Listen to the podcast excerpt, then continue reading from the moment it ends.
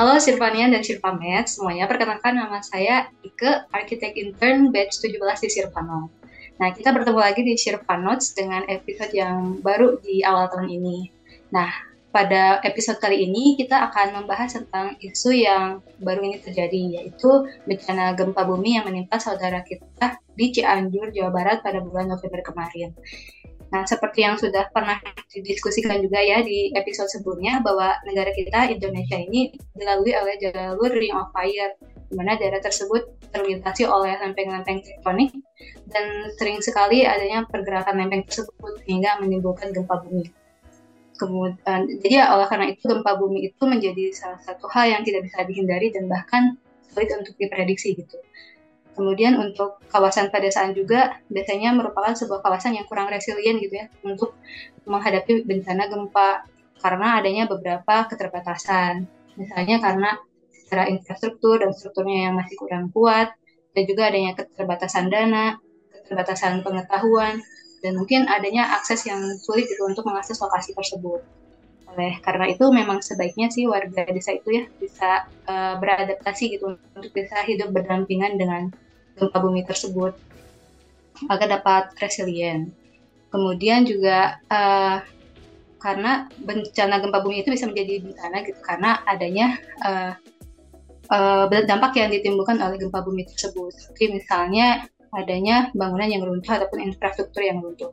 Nah, agar meminimalisir dampak yang ditimbulkan oleh gempa bumi tersebut, makanya khususnya di khususnya di pedesaan, makanya perlu adanya upaya preventif yang dapat kita lakukan. Salah satunya dalam ranah arsitektur dengan memanfaatkan potensi yang ada.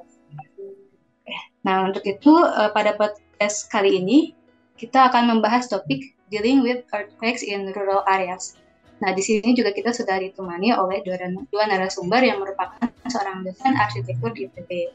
Nah, sebelum memulai diskusi juga, saya akan memperkenalkan secara singkat gitu di sini. Narasumber-narasumbernya ada Pak Andri Wido Wijatmoko dan juga ada Bu Lili Tambunan. Beliau ini merupakan seorang dosen di arsitektur ITB dan masuk dalam kelompok keahlian teknologi bangunan, begitu ya dan beliau-beliau ini juga sudah pernah meriset gitu untuk uh, membangun atau merancang bangunan yang tahan gempa dan tahan api. Namun untuk diskusi kali ini kita akan lebih fokus pada bangunan yang tahan gempa begitu kurang lebih. Oke, untuk mempersingkat waktu juga mungkin kita bisa mulai diskusi hari ini dengan adanya pertanyaan pembuka dari saya gitu ya. Yang pertama ini uh, sesuai dengan yang saya sampaikan sebelumnya gitu ya terkait bencana gempa bumi di Cianjur nih Kira-kira bagaimana pendapat Ibu atau Bapak terkait konstruksi bangunan yang ada di pedesaan saat ini? Kira-kira apakah ada evaluasi? Kemudian kira-kira apakah ada perbedaan konstruksi gitu antara di pedesaan dan di perkotaan? Silakan Pak Bu. Ya, terima kasih Ika. Salam kenal semuanya yang ada di sini. Saya tidak bisa sebutkan satu persatu. Saya Lili Tambunan, uh, dulu menjadi dosen ya, dosennya Mbak Ike. Nah, pertanyaan Mbak Ika ini menarik begitu ya, dan memang sangat relevan untuk kondisi sekarang ini.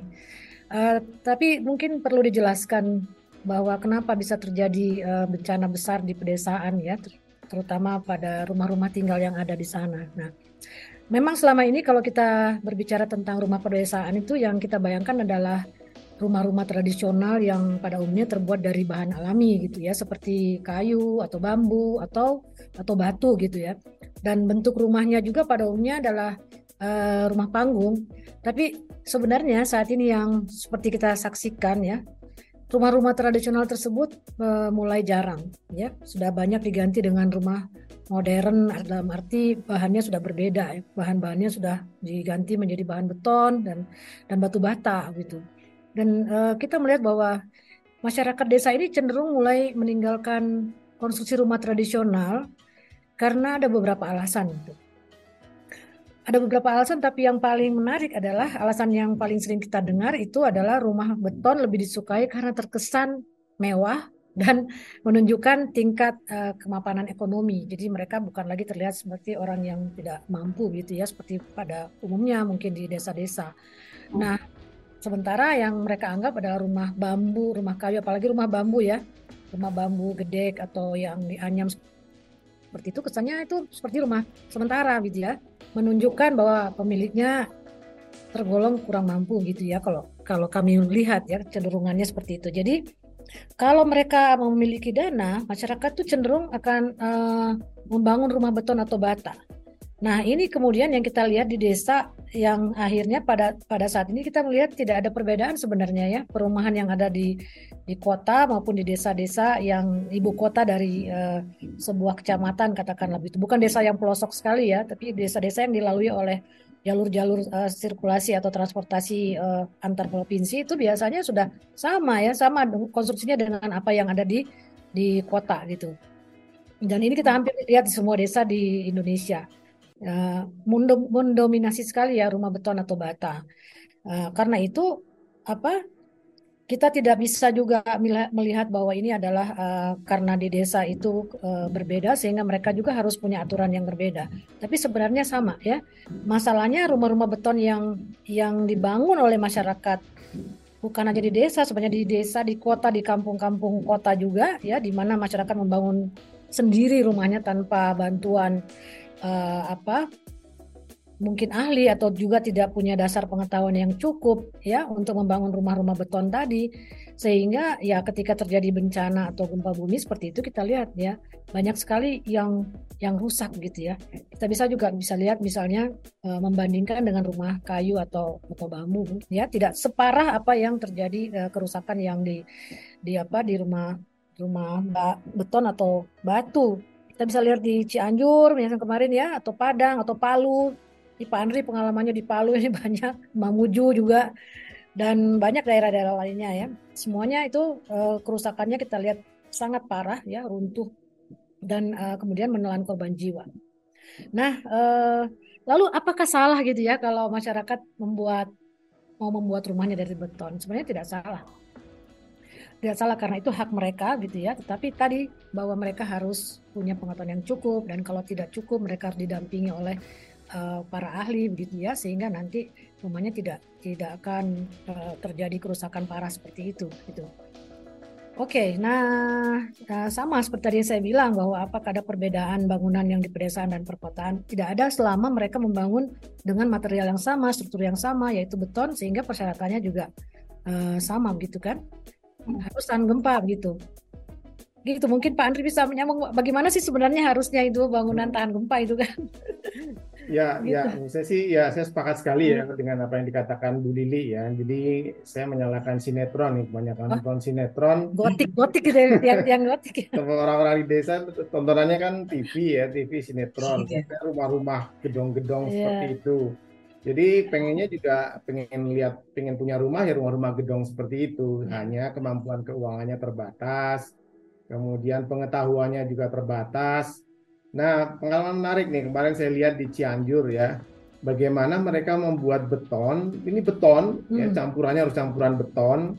Itu eh, kalau dilihat warnanya itu bukan kayak bukan seperti warna abu-abu, abu-abu tua begitu ya. Warnanya coklat. Artinya apa? Ini bukan pakai pasir beton, bukan pakai. Jadi seperti uh, mungkin pasir uruk begitu, tapi dibuat menjadi adonan campuran hmm. beton sehingga rubuh ya tidak tidak ini. Kemudian kalau lihat uh, kualitas tulangan itu juga parah sekali ya. Jadi mereka tahu lah beton bertulang harus bertulang. Mungkin mereka paham. Hanya mereka nggak membayangkan bahwa ini nanti ada gempa. Saya lihat tulangannya itu ada yang tulangan 6, tulangan utama. Untuk sengkangnya itu mungkin tulangan 2 mili barangkali mungkin bukan tulang ya, itu kawat barangkali itu sengkang. Padahal sengkang itu ber, berperan sangat penting ya, utamanya untuk memegang beton di bagian dalam. Jadi memang uh, menurut saya sih uh, sebenarnya sepakat ya harus tidak ada perbedaan. Hanya memang masyarakat di pedesaan itu ingin mencontoh eh, bangunan-bangunan yang ada di kota ya biar biar kesannya ya tadi image tadi tapi tidak tidak tidak melihat secara lebih dalam terkait dengan uh, persyaratan-persyaratannya. Jadi ya memang itulah kira-kira uh, kendalanya saya lihat kemarin di lapangan jadi seperti itu. Jadi memang ya uh, harusnya tidak ada perbedaan, tapi nyatanya ada perbedaan karena tadi ya, permasalahan keuangan, permasalahan pengetahuan dan lain-lain. Itu kira-kira dari saya tambahannya. Menarik juga ya Pak. Saya juga ini sih Pak Bu pernah mendengar sih. Jadi kadang uh, ada orang itu yang bilang ya bencana gempa bumi kan itu mah ya rencana Tuhan ya sudah gitu. Padahal hmm. kan sebetulnya dari manusia masih ada upaya preventif ya Bu ya terkait uh, pembangunan-bangunan bagaimana caranya agar tahan gempa gitu. Iya, betul. Tadi Pak Kuliti ada tambahan. Ya, jadi Pak Andri menyambung ya, kemarin kita dapat sharing foto dari Bu Alis itu ya Pak. Ya, ya. Dalam hmm. tulangannya diganti ya Pak? Ya, ya kemarin itu ada sebuah ini juga praktik sebenarnya sering juga dilakukan di hmm. di kota juga ya. Hmm. Jadi eh, kolomnya itu diisi dengan pralon dan hmm. pralonnya itu besar dan tulang itu nyaris tidak ada bungkus di tulangan. Jadi tulangannya itu benar-benar ketemu dengan si pralon tadi. Hmm. Pralonnya buat apa? Pralonnya itu buat menyalurkan air hujan. Jadi mungkin ya seperti nggak kelihatan bersih begitu ya. Praktek ini sebenarnya banyak di kita, cuman di kota juga banyak ya, tapi di kota kan kolomnya cukup besar. Ini kolomnya kecil, kemudian di tengah-tengah dari hmm. sengkang tadi ada ada pipa pralon. Ya sudah itu Bisa. nyaris nggak ada itu. Saya kira karena itu kemudian kolaps, yang lain-lain yang tadinya mungkin uh, tanpa itu ya sudah ke bawah kolaps kan. Jadi ada semacam uh, impact-nya itu, impact dari kolapsnya itu merembet ke mana-mana itu saya lihat bangunan dua lantai dan itu salah satu bangunan di sebuah desa itu bangunan uh, satu-satunya korban ya masih uh, an, apa uh, perempuan umur kalau nggak salah enam tahun meninggal gara-gara gara-gara runtuh bangunannya. Hmm. Ya. Baik. Mungkin ini jadi pengen pertanyaan lagi sih kira-kira gitu terkait dari building coach-nya sendiri gitu kira-kira ada nggak ya uh, peraturan yang mengatur gitu terkait Eh, bangunan atau struktur yang tahan terhadap gempa khususnya di area pedesaan gitu atau mungkin tidak ada perbedaan juga tadi dengan di perkotaan terkait building regulationnya. Hmm, ya mungkin saya jawab ya. Uh, secara umum memang kita punya ya, kita punya yang namanya SNI. Kalau saya tahu tahu saya yang untuk tidak ada standar khusus untuk rumah pedesaan. Tapi secara umum kita punya SNI tentang tata cara perencanaan ketahanan gempa untuk struktur bangunan gedung dan uh, eh, non gedung. Itu saja sebenarnya. Tapi uh, bukan berarti kalau tidak punya kita tidak bisa membangun uh, rumah di pedesaan atau rumah-rumah tinggal sederhana tahan gempa. Sebenarnya ya kalau kita bisa cari-cari uh, ya di PU itu sudah ada ya manual ya. Ada manual dan PU saya kira cukup gencar ya untuk bisa apa menyebarkan ini ke ke media ke apa masyarakat melalui channel-channel YouTube-nya itu. Terutama kalau kita cari yang namanya apa buku yang disusun oleh Pak Teddy Bun ya Pak Pak Andri pas tahu itu Pak Pak Teddy Bun itu banyak sekali buku-buku manual yang beliau apa beliau sudah susun dan itu dibiayai oleh JICA gitu ya.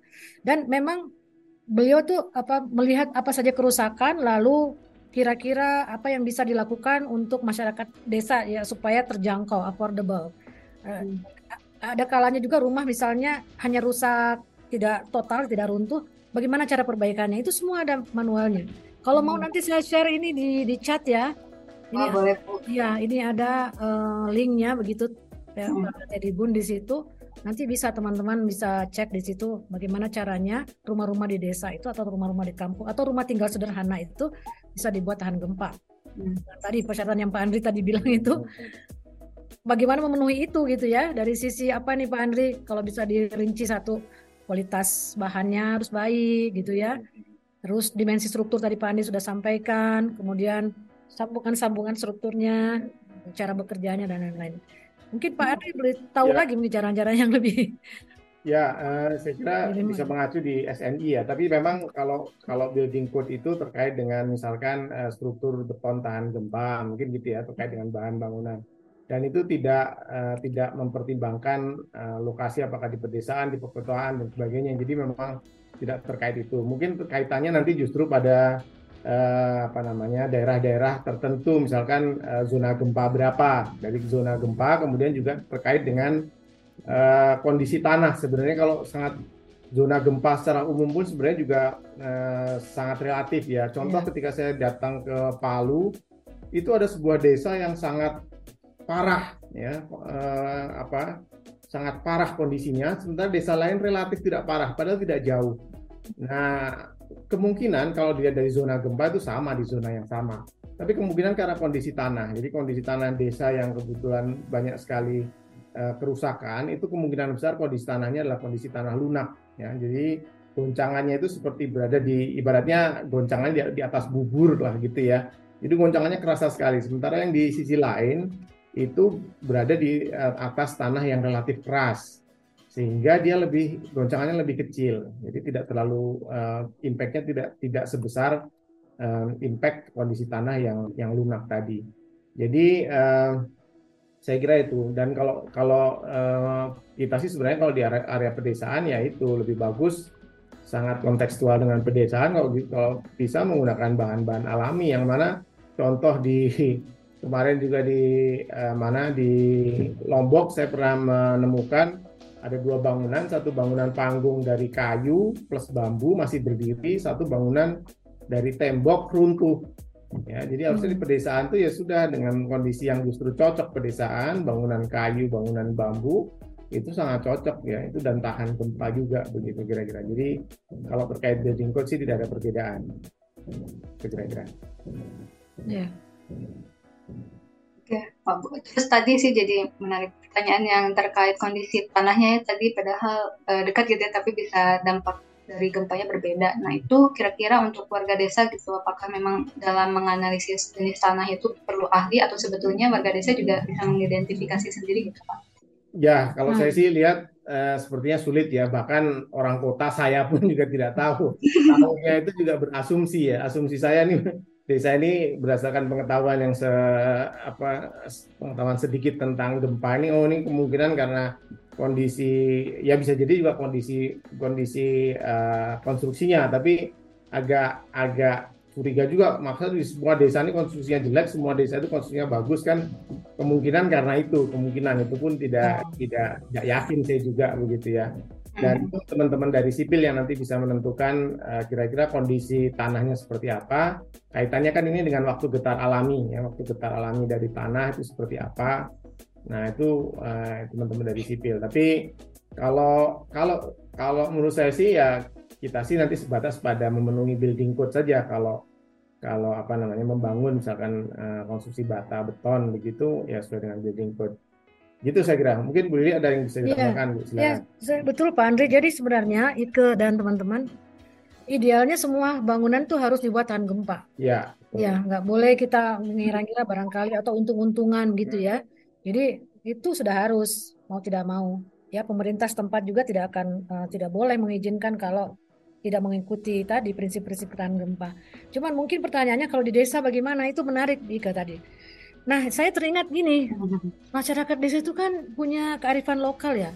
Mungkin mereka sejak zaman nenek moyang kan gempa itu sudah ada dan mereka bisa membaca alam. Maksudnya dia tahu daerah itu jangan dibangun, jangan di situ itu bahaya. Tapi mereka tidak bisa mengungkapkan dari sisi ilmiahnya ya. Nah, kalau misalnya kayak kayak di Palu ya Pak Adri ya, Palu Koro itu kan hmm. sudah lama yang disebut jangan membangun di patahan itu gitu ya itu nggak boleh membangun kota. Tapi berkembang kota Palu di situ justru gitu. Nah mungkin zaman dulu zaman dulu kala itu mereka nggak membangun di situ. Ataupun kalau membangun ya tadi dengan dengan apa ter, apa konstruksi tradisional mereka yang sudah antisipasi terhadap bencana gitu. Nah, mulai sekarang ini orang sudah nggak peduli kan, bangun di mana saja sama gitu kan sama yang tadi Pak Andri bilang pokoknya acuannya sinetron ya udah gotik di mana-mana. Uh, tiang putih di mana-mana. Begitu mungkin ya. Kan saya nggak salin sinetron tapi ya mungkin karena kita juga uh, ini ini ini ini menurut saya Sirpano juga membuat seperti ini ini bagus ya. Hmm. ya mungkin bisa diteruskan sampai ke pelosok uh, sampai mereka juga bisa nanti mencari sumber-sumber uh, apa referensi ya. Bagaimana sih kalau kita membangun rumah yang tahan gempa gitu dengan kemampuan kami yang di yang di kampung seperti apa gitu.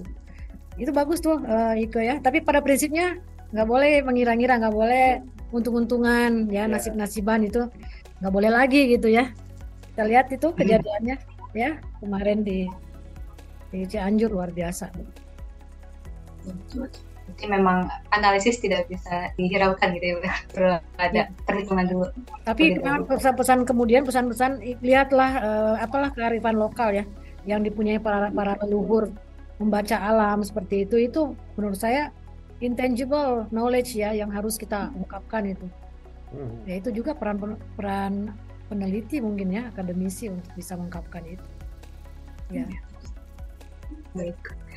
Terus Bu um, dan Pak ada pertanyaan lagi nih. Kan sama ini memang untuk tahan gempa itu biasanya dikaitkannya dengan struktur bangunannya saja gitu. Kira-kira ada lagi gaya uh, upaya yang bisa jadi memitigasi gitu bencana gempa bumi dalam ranah arsitektur misalnya dari segi bentuk bangunannya ada ketentuan khusus yang misalnya lebih tahan gempa atau mungkin dalam merespon bentuk lahan atau konturnya gitu. Hmm, mungkin bisa.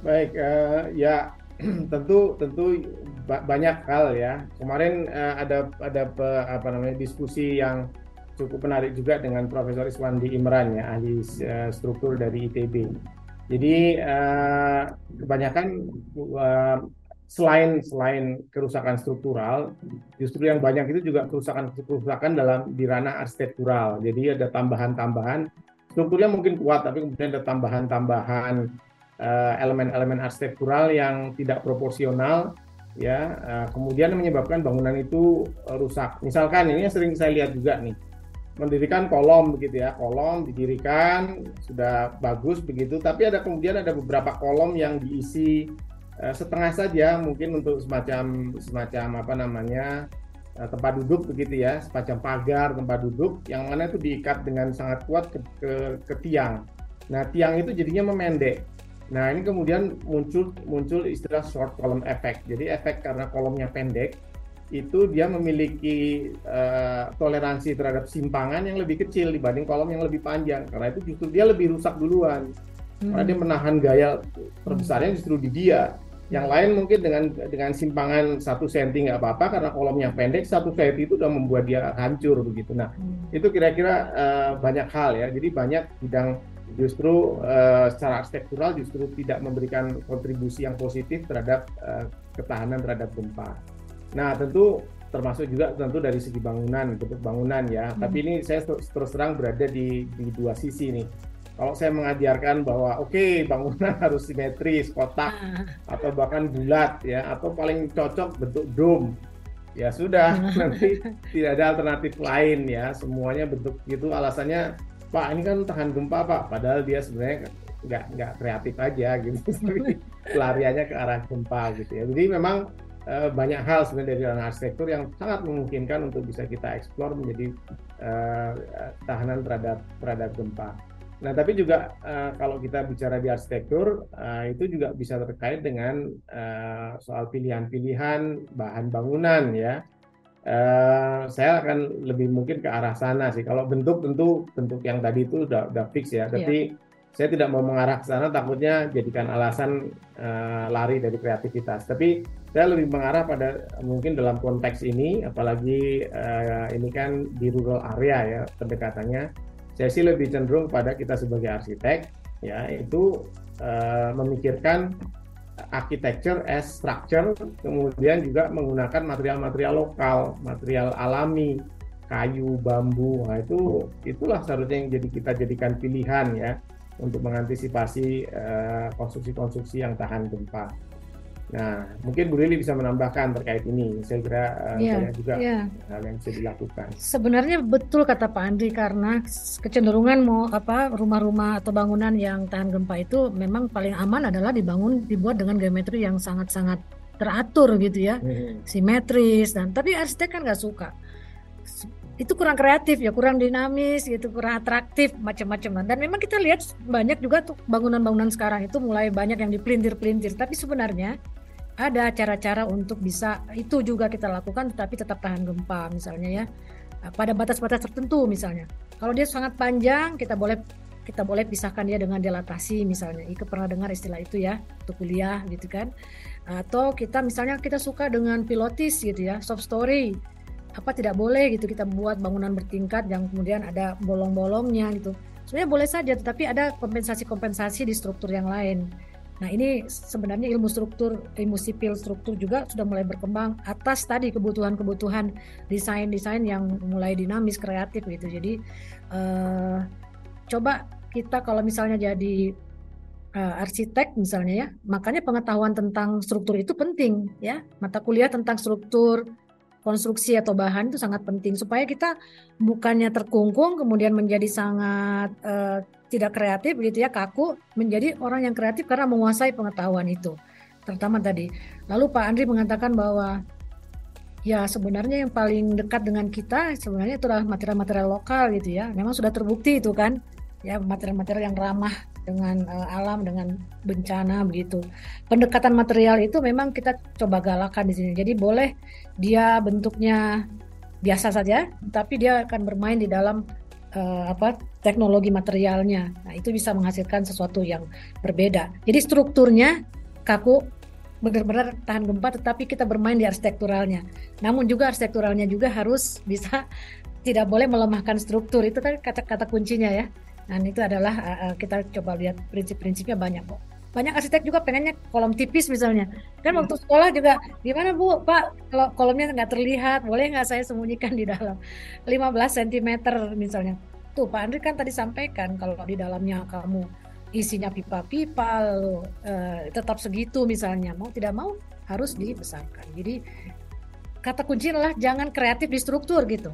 Maksudnya bermain di sini agak uh, lemah di situ kuat ya janganlah. Itu bukan uh, ranah kita bukan bidang kita. Orang sipil pun pasti nggak suka yang gitu ya. Ya Pak Andri ya? Orang sipil tuh malah safety factornya cukup tinggi ya? Jadi ya ya, ya, ya kan? Betul betul Ya, tepat sekali ya. Jadi uh, apa namanya? Uh, karena itu kalau di saya juga sangat menekankan bahwa arsitek itu juga punya kemampuan struktur ya, logika hmm. struktur sehingga itu juga akan memudahkan. Jadi oke okay lah kita bentuknya kreatif tapi sebenarnya strukturnya kita tahu sebagai arsitek tahu oh strukturnya ini bisa kita kita buat sebenarnya relatif sederhana. Bentuknya memang kelihatan aneh tapi karena kita paham struktur ya, kita tahu bahwa sebenarnya strukturnya kita sudah buat desain sederhana. Uh, sebenarnya ini strukturnya simetris sekali, ya simetris sekali, tapi memang dalam arsitekturalnya kita buat jadi sangat uh, kelihatan tidak simetris.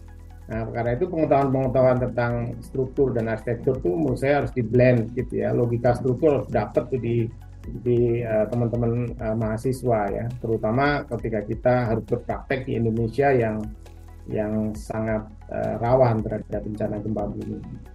Saya kira itu. Ya.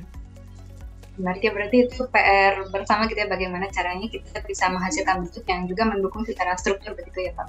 Dan ya. bukannya malah melemahkan gitu. Baik.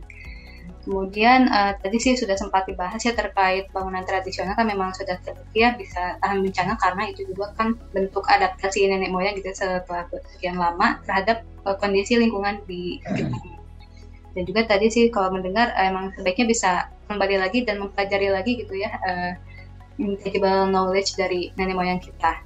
Tapi kira-kira apakah masih ada gitu untuk memanfaatkan potensi yang sudah ada saat ini dengan memanfaatkan teknologi yang sudah ada juga, misalnya dengan adanya struktur prefab atau precast gitu, Kak Bu. Hmm, kebetulan ini memang kita sedang ini pertanyaan yang pas itu ya. Saya sama hmm. Pak Andri ini sedang greget-gregetnya gitu kan melihat ya itu tadi banyak yang rubuh runtuh. Ya ini, artinya pembelajaran buat masyarakat di desa gitu. Tapi kita juga nggak boleh menutup mata bahwa keinginan, mereka untuk memiliki bangunan yang apa yang modern like gitu ya dengan tidak adanya tidak terlihatnya bambunya misalnya atau kayunya begitu kita sambut. Ya Pak Andri sudah mulai itu dengan rumah bambu plester. Jadi saya pikir ini ini satu satu kesempatan yang baik sekali untuk memperkenalkan itu. Nanti Pak Andri cerita bagaimana mudahnya dia dibuat gitu ya, dan ini cocok sekali untuk uh, hunian pasca gempa barangkali karena lebih cepat dibangun dan lain-lain. Mungkin saya bisa share Pak Andri bisa cerita juga nih sambil saya share share screen ininya. Ika mau, ya. mau tahu ya Ika ya gambarnya ya? Iya boleh Bu. Silakan. Ini dia nih.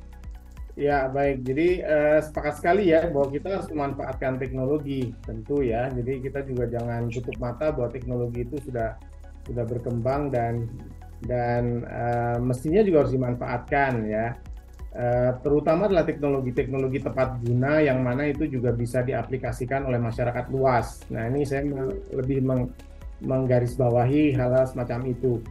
Uh, ini pengalaman saya juga di beberapa kejadian bencana ya jadi uh, memang banyak teknologi yang kemudian dihadirkan pasca bencana di sebuah uh, sebuah kampung atau sebuah desa untuk relokasi. Tapi akhirnya apa? Semua itu didatangkan oleh didatangkan oleh pemerintah ya atau oleh NGO dari luar. Ya, bahan-bahannya didatangkan dari kota, ada aplikator dari kota. Uh, tukang-tukangnya karena memang sangat spesifik juga datang dari kota. Akhirnya apa masyarakat pemberdayaan masyarakat di lapangan tidak banyak terjadi. Nah karena itu saya juga ini bersama Bu Lili mencoba meng mengembangkan konstruksi-konstruksi yang yang sederhana sebenarnya teknologinya itu teknologi bukan teknologi ke Mars ke bulan ya tapi teknologi hmm. teknologi sederhana sekali teknologi menganyam teknologi memplaster jadilah rumah bambu plaster seperti ini ya ini sebenarnya ibaratnya gini ini sebenarnya bukan teknologi hanya mereka masyarakat tuh belum kepikiran saja untuk untuk oh iya yeah, bisa begini gitu. Padahal setelah di oh iya yeah, ternyata bisa begini gitu. Jadi ibaratnya ini ini teknologi yang ada di masyarakat, hanya mereka belum kebayang saja bentuknya seperti ini. Jadi hanya perlu kita hadirkan kembali ya rekolek memori mereka, oh sebenarnya bisa nih dianyam, bambunya dianyam, kemudian setelah dianyam diplester. Jadilah rumah ini, ini adalah rumah bambu plester ya.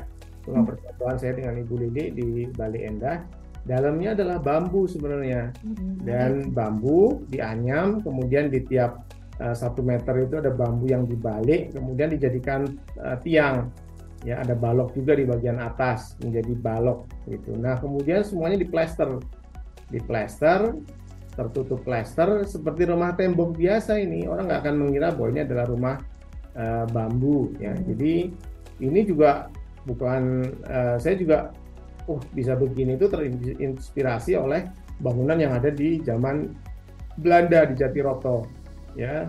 Mereka mendirikan rumah mereka mungkin belajar juga bagaimana dulu orang Belanda datang mendirikan rumah rangkanya dengan kayu ditutup dengan plaster dengan anyaman kemudian diplaster oh iya ya menarik juga ini konstruksi yang yang menurut saya teknologi yang sangat sederhana perubahan yang saya lakukan adalah merubah rangka kayu menjadi rangka bambu juga yang dibolak-balik ya sehingga rangkanya di bagian luar dan dalam seperti itu.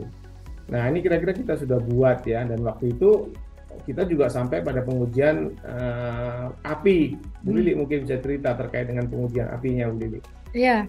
Jadi ini kita sudah coba komponen dindingnya saja, kita coba ketahanan api karena persyaratan untuk dinding itu kan minimum satu jam. Kami coba itu sudah sampai dua jam. Memang sih uh, sebenarnya bambu di dalam itu sudah sudah terbakar tapi karena ada plesterannya juga itu sehingga apinya nggak keluar artinya ini tidak membahayakan dalam waktu dua jam karena tidak ada nyala api gitu kan dan kita kemungkinan besar orang-orangnya sudah evakuasi kalau sudah waktu segitu kan 15 menit aja mereka sudah sebenarnya sudah keluar karena ini adalah rumah rumah satu lantai ya atau dua lantai sehingga uh, penghuninya bisa segera keluar sebelum uh, api menyala gitu ya apinya apinya uh, merambat gitu ini sudah teruji Pak ya? Hmm. Ya terkait dengan eh, tadi ya teruji dengan apa namanya teruji oleh api ujian terhadap gempa itu barangkali secara tidak langsung kita pernah mendirikan di tahun 99 ya. Hmm. Nah, mungkin uh, Ika belum lahir saat itu ya.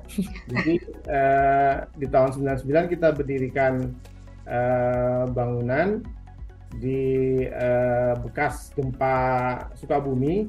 Dan kemarin itu uh, yang mendirikan salah satu uh, waktu itu masih mahasiswa Mas Gunawan itu hadir lagi ke, ke lapangan dan menyaksikan bangunan itu masih berdiri. Artinya sudah 20 23 tahun bangunan itu berdiri. Dan itu ada di Sukabumi yang mana sempat terjadi beberapa kali gempa juga gitu ya. Jadi memang secara tidak langsung menurut saya ini juga bayangan saya sih kalau terjadi gempa, kalaupun uh, apa rontok paling rontok plesterannya saja, ya, paling hanya luka-luka ringan lah barangkali atau bahkan nggak luka karena hanya uh, ini ya uh, rontok uh, plesterannya saja karena bambunya relatif cukup cukup kuat ya cukup bertahan saya kira bisa begitu.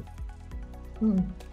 Pak Ari kan bukan hanya punya ini kan Pak ya, Bapak ya. juga punya rumah apa itu? Di Pasir Impun pernah, uh. kemudian uh, di uh, Jatinangor, saya yang di Jatinangor sudah dirobohkan hmm. karena per, peralihan fungsi. Hmm. Hmm. Tapi kayu Bapak juga kan punya, kayu dengan ferosemen dan Ya, kayu dengan ferosemen di Mamuju. Mungkin nggak ada fotonya kemudian ya? kita buat juga yang hmm. uh, di setelah gempa uh, Malang, kita buat satu hmm. rumah uh, bambu dengan ferosemen.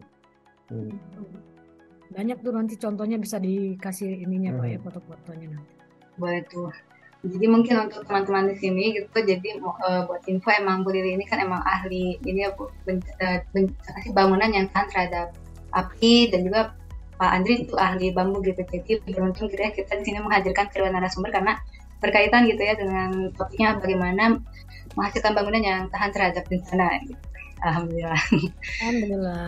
Terus jadi mau bertanya Pak yang uh, bambu semen itu jadinya kalau secara struktur utamanya tetap pakai tulangan besi atau sebetulnya bisa juga diganti oleh bambu tulangannya? Ya, kalau yang tadi dibuat itu ya boleh dikatakan bukan uh, atau kita sebut tulangan juga boleh ya, tapi sebenarnya itu sepertinya gini, idenya adalah mengganti pasangan bata di dalam.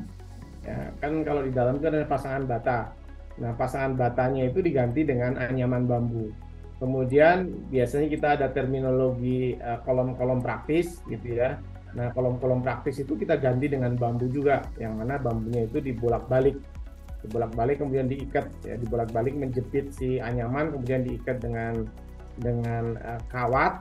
Nah, ikatan kawat itu seperti bekerjanya si sengkang Hmm. Jadi kalau dalam uh, beton bertulang itu kan ada tulangan, ada sengkang. Sengkang itu yang mengikat tulangan-tulangan itu. Nah, Saya coba share ya. Uh, si kawat-kawatnya itu yang kemudian difungsikan sebagai uh, ini. Nah, ini kalau kita lihat ya, hmm. uh, ini adalah uh, anyamannya itu menggantikan uh, bata, pasangan bata. Ya. Sementara kolom-kolomnya itu itu seperti kolom praktis. Jadi ada kolom-kolom ya. bambu yang dibalik dan di Anda lihat juga di situ ada Kolom. ada apa namanya kawat-kawat. Nah, kawat-kawat itu adalah kawat-kawat semacam sengkang ya. Jadi dalam terminologi itu seperti sengkang, ada sengkang-sengkang yang mengikatnya. Hmm. Nah, ini kemudian semuanya ditutup dengan plesteran. Jadi orang sudah tidak akan melihat lagi bambunya. Ya, diharapkan apa ya daripada punya rumah uh, bata yang yang tidak sesuai dengan standar gempa, udah mending gunakan ini. Ya, ini akan jauh lebih kuat terhadap gempa ya. Karena ibaratnya eh, bambu-bambu itu menerus kan. Kalau bata itu kan satuan ya satuan dan berat. Satu-satu jadi uh, sambungannya tuh ke atas nyambung ke kanan kiri nyambung kan. Kalau ini menyatu ini satu dinding sepanjang 3 meter itu menyatu. Bahkan kalau dibuatnya di onsite yang kita buat uh, juga untuk rumah di uh, Kabupaten Bandung itu sepanjang 6 meter tuh satu anyaman tuh satu bambu sekaligus ini dia bekerja sebagai satu kesatuan nah kalau kita lihat ini ya ini kan semua bekerja sebagai satu kesatuan ya, hmm. tidak sebagaimana uh, unit-unit kecil batu bata gitu Memang di bawahnya ada bata tapi. Nah di bawah bata ini memang hmm. karena bambu itu harus dihindarkan dari hmm. uh, tanah ya, dari kelembaban, menghindarkan juga dari kayap, makanya diangkat. Nah, dengan bambu yang dengan bata yang pendek juga relatif aman ya. Bata itu kalau hanya pendek-pendek ya efek gempanya kecil lah. Tapi begitu kita buat pasangan bata kemudian setinggi 2 meter, 3 meter, nah itu baru jadi masalah itu. Maka itu memang perlu disebut eh, ada dinamakan confined masonry. Ya. Ada ikatan-ikatan yaitu berupa balok praktis, kolom praktis. Nah, itu itulah pentingnya uh, dalam konstruksi bata yang mana itu sering sekali dilupakan dalam konsumsi batat uh, vernakular di pedesaan ya. Mereka lupa tuh harus ada kolom-kolom itu, balok-balok itu. Hmm. Karena itu mahal kan. Uh, maka dari itu untuk pedesaan ini lebih cocok nih menurut saya. Itu ya Lili ya? Iya, setuju sekali. Dan kalau Anda jalan-jalan sana itu 2019 ya kita bangun. Alhamdulillah sampai sekarang yang saya kagum itu tidak ada retak-retak rambut hmm. di dindingnya. Yang biasanya kita temukan kalau kita bangun rumah bata yang apa cepat sekali kita plester ya, hmm. tanpa kita basahi dulu. Jadi pasti ada setelah itu retak rambut. Sibuklah orangnya untuk kemudian mengisi retak rambut itu supaya bisa halus lagi, rata lagi. Ini nggak ada sampai sekarang itu nggak ada. Nah, Alhamdulillah saya juga, oh mungkin karena itu ya Pak. Jadi kelembaban bambu yang apa ya sama dengan bagian luar. Jadi dia tidak pernah ada tarik menarik gitu ya. Hmm, ya satu. mungkin. Ya. ini memang gitu ya, ya bisa bisa diteliti juga tuh. Dan rumahnya cukup sejuk mungkin ya. Itu relatif ya tapi nggak tahu ya. kalau saya sih merasa rumah ini kok apa ya itu juga tergantung ventilasinya sih. Hmm. ya itu perlu diteliti juga tuh. Masih banyak yang perlu kita buktikan nih Ike nih di rumah ini. Tapi paling tidak dua itu uh, tahan gempa dengan uh, api, lalu dari sisi waktu ya, sisi waktu yang tadi memang ini Pak Andri unggulan kita hmm. adalah untuk hunian pasca gempa itu kan. Bagaimana hmm. supaya cepat jadi dengan tenaga yang setengah terampil dilatih sedikit dia bisa membuat ini gitu. Cepat menjadi solusi ya tadi kalau misalnya memang ingin bentuk bangunannya tidak terlihat seperti bangunan tradisional gitu ya jadi jadi yeah. alternatif untuk masyarakat. Ya Dan jadi alternatif buat Risa. Kayak Risa itu kan memang Risa, ya. Risa sudah terlihat langsung Pak ya eh, seperti ya bangunan modern lah kan dari beton kan. Nah kita bikin beberapa pilihan sebenarnya. Beberapa termasuk ini untuk bambu pakai bambu. Oke. Okay.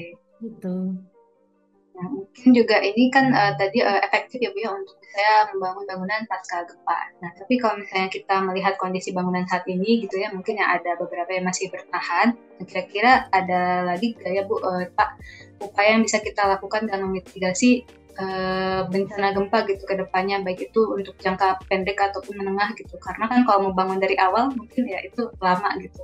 Nah, kira-kira ada tidak ya strategi jangka pendek ataupun menengah yang bisa dilakukan oleh warganya sendiri gitu agar bisa tahan dari gempa itu bangunannya.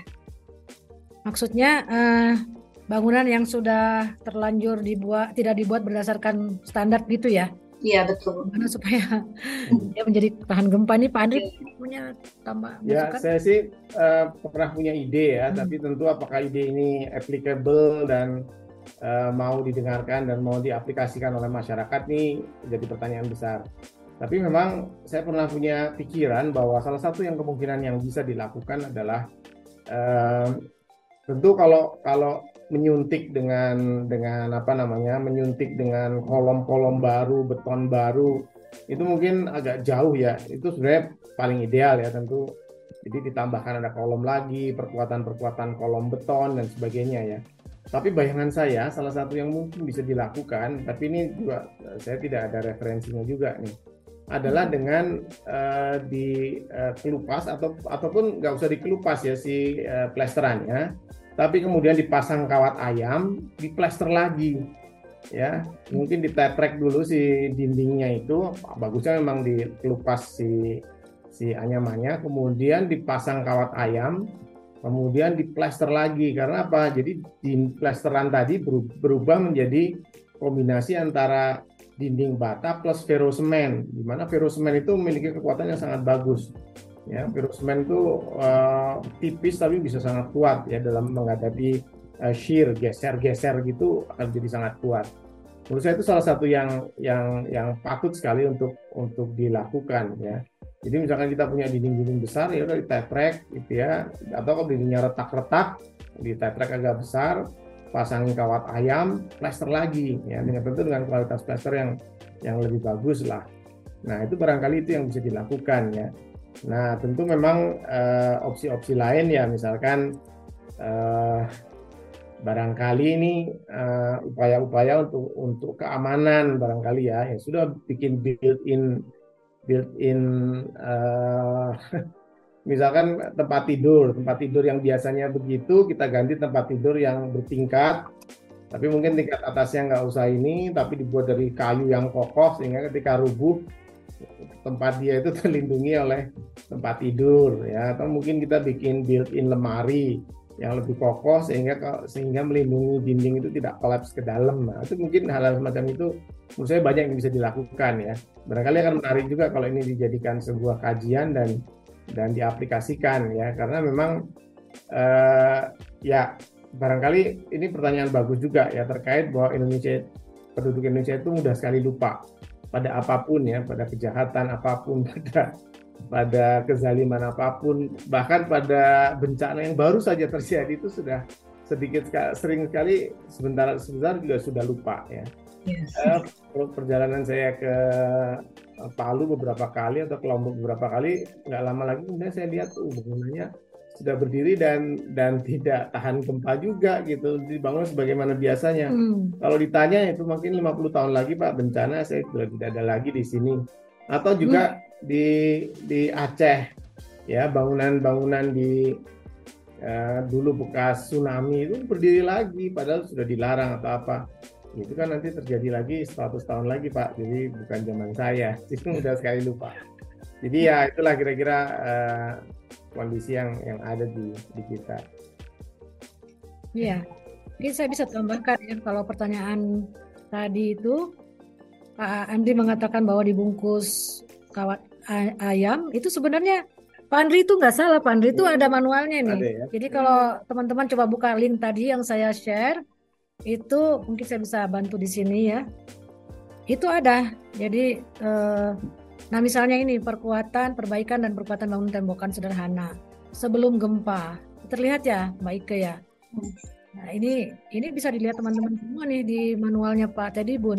Tadi betul dibungkus gitu ya kawat ayam gitu. Itu untuk dindingnya, lalu untuk slope-nya balok pondasinya bisa ditambahkan seperti ini. Kalau sudah terlanjur tidak punya slope misalnya, masih bisa ditambahkan seperti ini. Tapi bagaimana cara penambahannya itu ada di sini gitu ya.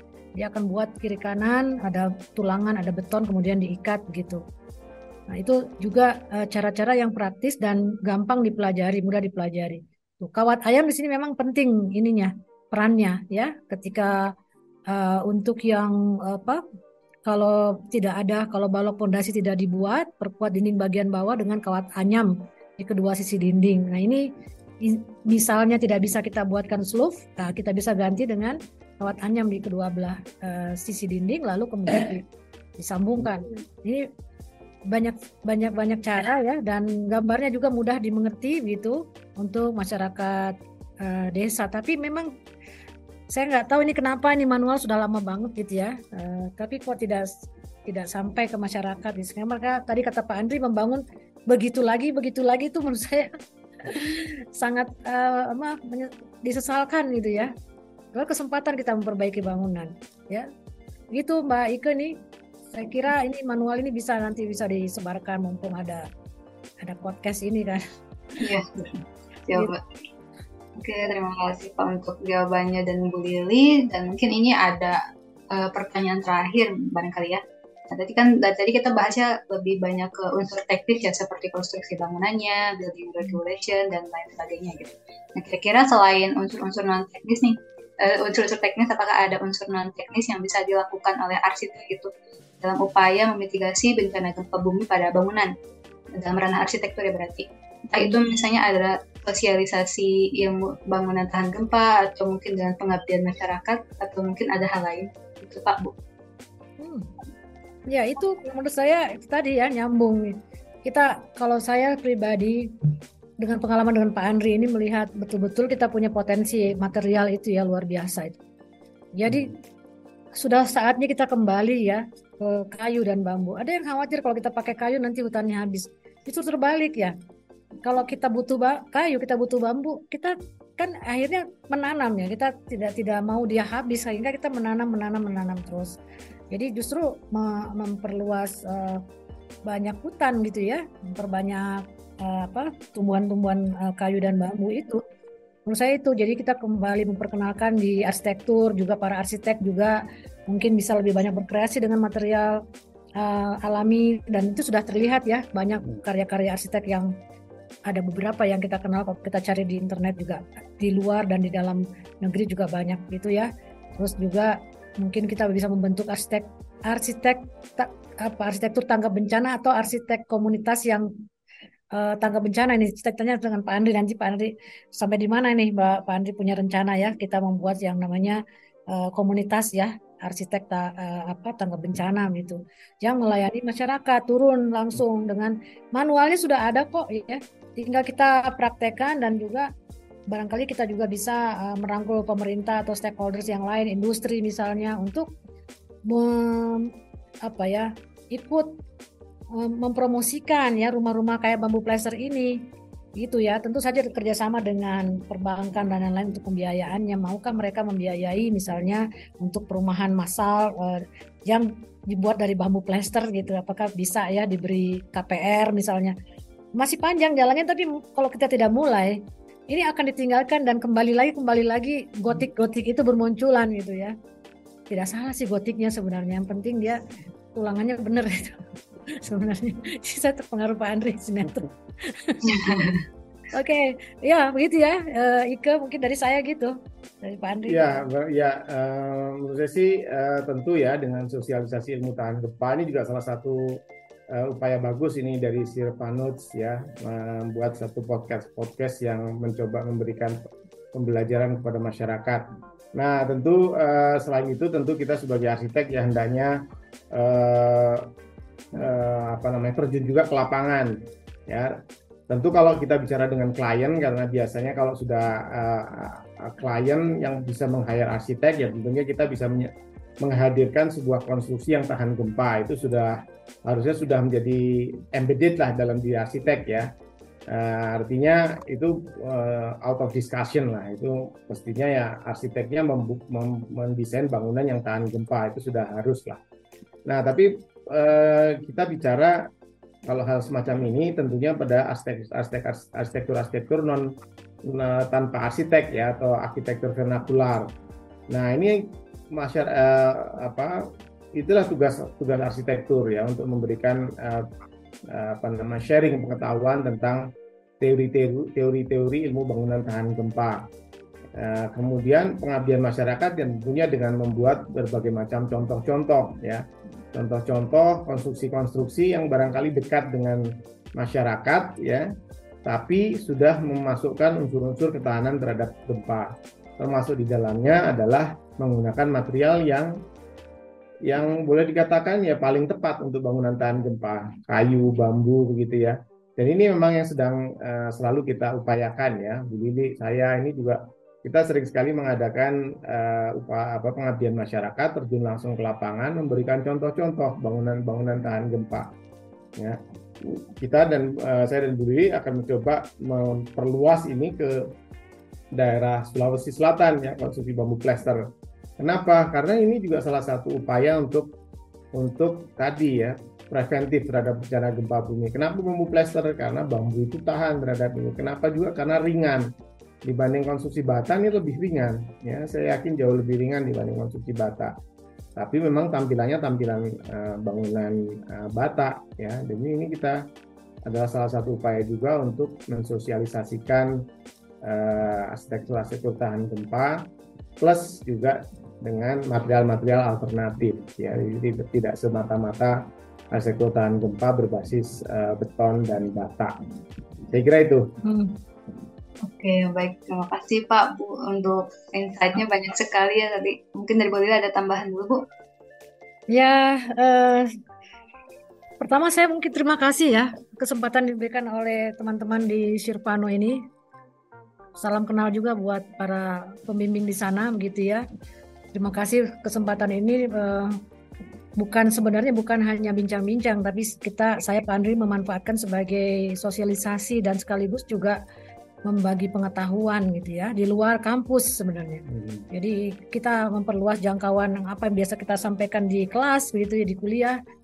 Kita berharap ini bisa sampai ke masyarakat gitu ya. Memang tidak tidak tidak lengkap ya tidak. Tapi saya pikir ini satu pemantik yang bagus sekali. Jadi sekali lagi saya terima kasih diberi kesempatan kepercayaan. Mungkin ada yang kurang tepat ya mungkin masih tidak pas gitu karena maklum kami sebenarnya bukan ahli uh, struktur ya bukan sipil struktur tapi arsitek atau dosen arsitektur yang mempelajari kemudian mem, uh, memberi uh, kuliah tentang konstruksi dan uh, bangunan, material dan uh, struktur gitu. Jadi sekali lagi terima kasih kepada uh, Ike dan kepada teman-teman Sirpano semua. Mudah-mudahan lancar uh, apa nih semuanya proyek-proyeknya hmm. sukses gitu ya perusahaannya. Terima kasih buat Ike juga. Sukses buat Ike ya. Ya, terima kasih Bu. Dari Pak Andri ada kata-kata penutup dulu mungkin Pak. Ya, uh, uh, mengamini apa yang disampaikan Bu Lili ya. Jadi kami mengucapkan terima kasih yang sebesar-besarnya ini kepada teman-teman Sirvanuts memberikan kesempatan bagi kami untuk untuk sharing lebih banyak sharing pengalaman barangkali ya. Dibanding pengetahuan mungkin lebih banyak uh, kita sharing pengalaman. Ya semoga ini memberikan uh, memperluas lah memperluas uh, jangkauan pendidikan kepada masyarakat luas ya terkait dengan konstruksi bangunan yang tahan gempa ya sekali lagi saya juga uh, berharap agar uh, podcast-podcast seperti ini juga terus dikembangkan ya menjangkau lebih banyak masyarakat dan juga uh, mahasiswa sehingga ya ke depannya kita bisa memiliki uh, Indonesia yang lebih bagus dan juga uh, varian-varian konstruksi bangunan tahan gempa yang juga lebih banyak ya tidak terbatas pada hal-hal yang sudah disepakati pemerintah itu saja itu saja gitu nggak tapi hmm. Bangunan tahan gempa itu tidak terbatas pada itu banyak sekali dan uh, lebih kepada uh, prinsip-prinsipnya ya prinsip-prinsipnya sementara detailnya bisa banyak sekali yang bisa kita kembangkan dan saya berharap sih uh, apa acara-acara semacam ini terus berlanjut ya sukses uh, terus untuk Sirvanuts dan teman-teman yang ada di sana. Terima kasih sekali.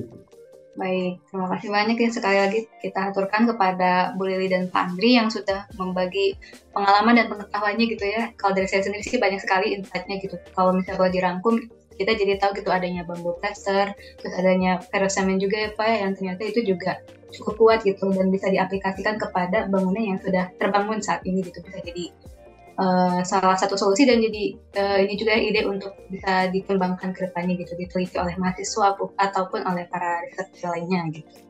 Kemudian tadi juga bisa dengan tadi ada komunitas arsitek tanggap bencana juga mungkin itu bisa jadi solusi juga terkait non teknisnya gitu ya dalam menghadapi upaya mitigasi terhadap uh, bencana gempa bumi dalam ranah bangunan gitu semoga teman-teman di sini juga yang mendengarkan saya yakin sih insya Allah akan ada dapat manfaatnya juga gitu ya setelah mendengarkan uh, pemaparan dari kedua narasumber kita hari ini. Terus juga terkait uh, link tadi yang di-share oleh Bu, Bu Lili juga akan kami share gitu ya di nanti di description di YouTube ataupun nanti di podcastnya. Jadi nanti teman-teman bisa kunjungi saja misalnya ke Instagramnya Shirpano di @shirpano consulting atau mengirimkan email langsung gitu ke shirpanoconsulting@gmail.com ataupun mengunjungi website Sirpano di sirpano.co.id atau juga bisa berkunjung ke Medium at Sirpano Consulting. Nah, mungkin itu saja ya untuk diskusi hari ini. Terima kasih banyak untuk Bu Lili dan Pak Andri sudah meluangkan waktunya. Saya akhiri. Wassalamualaikum warahmatullahi wabarakatuh. Terima kasih semuanya. Warahmatullahi wabarakatuh.